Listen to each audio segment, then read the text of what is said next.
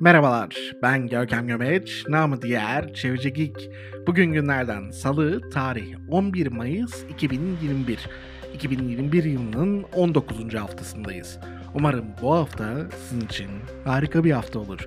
Şimdi gelin beraber bu haftanın öne çıkan ve iklim kriziyle sürdürülebilir yaşama dokunan haberlerine bir göz atalım.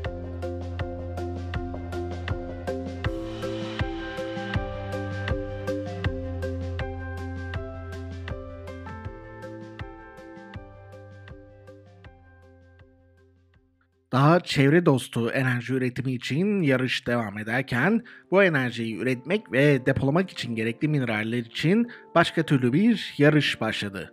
Kritik mineraller olarak adlandırılan özellikle güneş panelleri ve bataryalarda kullanılan itrium, neodymium, kobalt ve lityum gibi minerallerin sınırlı sayıda bulunması sadece sürdürülebilir bir enerji üretiminin değil, sürdürülebilir bir ekonominin de sorgulanmasına yol açıyor. Uluslararası Enerji Ajansı'nın yayınladığı son rapora göre 2050 yılına kadar net sıfır karbona ulaşma hedefi gerçekleşirse nadir ve kritik mineralleri olan talebin 2040 yılına kadar 6 kat artması bekleniyor. Sadece lityuma olan talep bile 40 kat artabilir. Uluslararası Enerji Ajansı'nın icra direktörü Fatih Birol, eğer hızla artan bu talebe yönelik bir şey yapılmazsa hızla ilerleyen yeşil enerjinin yakın gelecekte yavaşlayabileceğini, yatırımların daha pahalı olabileceğini ve sonuçta iklim krizine karşı atılan adımların sekteye uğrayabileceğini belirtti. Uluslararası Enerji Ajansı aynı zamanda nadir minerallerin ve lityum ile kobalt gibi kritik madenlerin birkaç ülke tarafından üretildiğine dikkat çekiyor. En büyük 3 üretici pazar payının %75'ine sahip durumda. Dünyada kobalt üretiminin %70'i Kongo'dan, nadir minerallerin %60'ı ise Çin'den gelmekte. Çin aynı zamanda nadir minerallerin %90'ını rafine etmekte. Yani kullanıma hazır hale getirmekte. Buna ek olarak kobalt başka bir kategori altına da girmekte. Çatışmaya yol açan mineraller olarak adlandırılan tantalum, kalay, tungsten ve altın ile anılan kobaltın üretimi özellikle Afrika kıtasında zorba yönetimleri ve isyancıları finanse ediyor olabilir.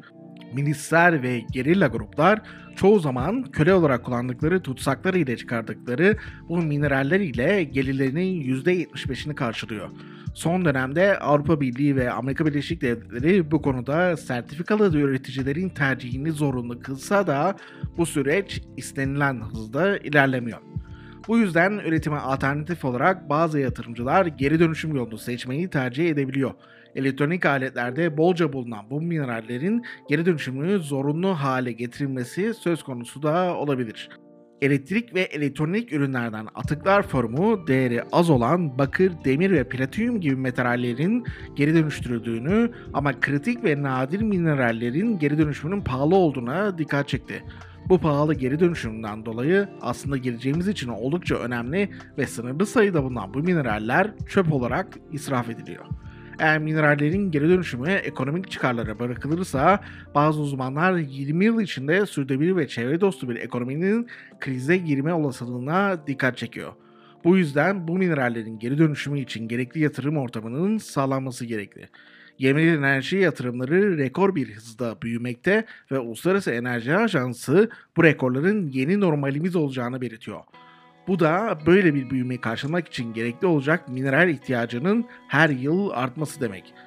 Sadece enerji üretimi değil, elektriklendirme adımlarında düşündüğümüzde bu mineral ihtiyacının 20 yıl sonra bir krize girme olasılığı yüksek bir olasılığa sahip. Peki böyle bir büyümenin sürdürülebilirliğinden bahsedebilir miyiz? Yeni bir enerjinin yeni normal olması için sürekli yatırım ve materyal kullanımı şart mı? Bu sorular degrowth yani büyümeme teorilerinin bir parçası. Bu teoriye enerji açısından bakacak olursak aşırı kaynak ve enerji kullanımının düzgün bir biçimde incelenmesi atılacak ilk adım olarak öne çıkıyor. Böylelikle bazı yatırımların yapılmaması ve daha küçük çapta yatırımlar veya enerji kullanımının daha adil bir şekilde düzenlenmesi değişimi sağlayabilir. Merkezi enerji üretimi yerine yerel ve bağımsız enerji santralleri Var olan altyapıların ve yazılımların daha da iyileştirilmesi büyümeme teorisine göre enerji verimini artırarak aşırı kaynak kullanımının önüne geçebilir. Durum ciddi. The Growth teorisyenleri de aslında bu konularda ikiye bölünmüş durumda. Şu an ele aldığım öneriler daha kontrollü bir büyümeme teorisinin bakış açısından yazılıyor.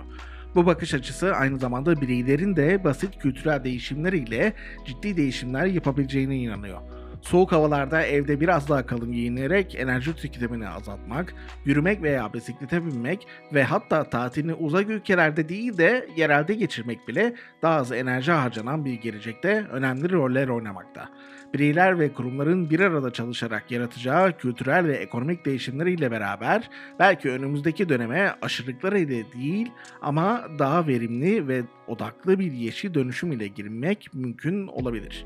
Zira eğer bu konuda bir şey yapmazsak iklim krizine çözüm olacağını düşündüğümüz sürdürülebilir büyüme bile 20 yıl sonra ciddi bir krize karşı karşıya kalacak.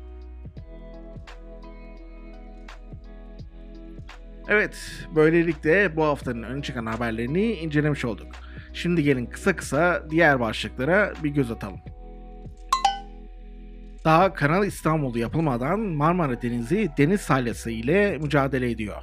Deniz ve hava sıcaklığının artması ile artan bakterilerin oluşturduğu yapışkan ve sümüksü bir yapı olan deniz salyası İstanbul, Yalova, İzmit Körfezi ve hatta Çanakkale'ye kadar ilerledi.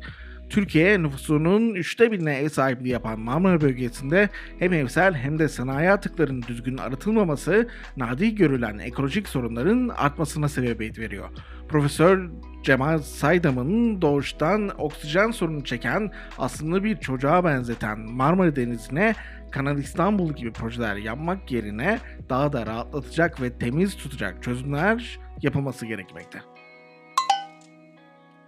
ivedilikle değil aheste ilerliyoruz. Yeni politikalar küresel ısınmayı ancak 0,2 derece azaltabiliyor.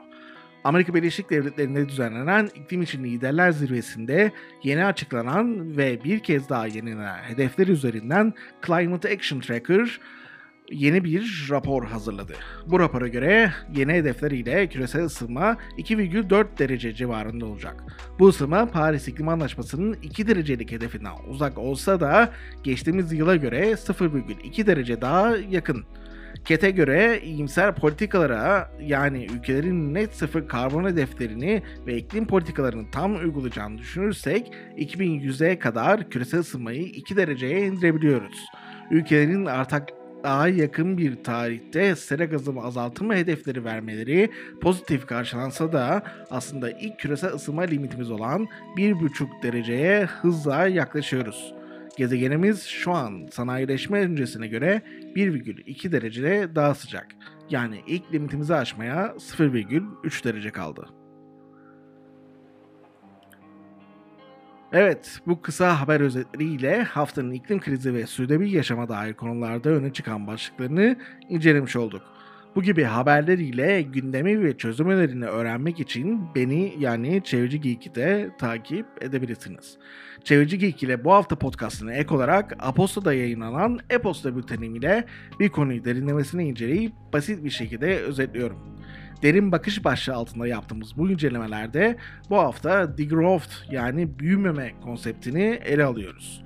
Aposto'da yayınlanan Çevreci Geek Bülteni'ne ulaşmak için apostonews.com adresini ziyaret edebilir ya da sosyal medya kanallarımda bulunan linkleri tıklayabilirsiniz.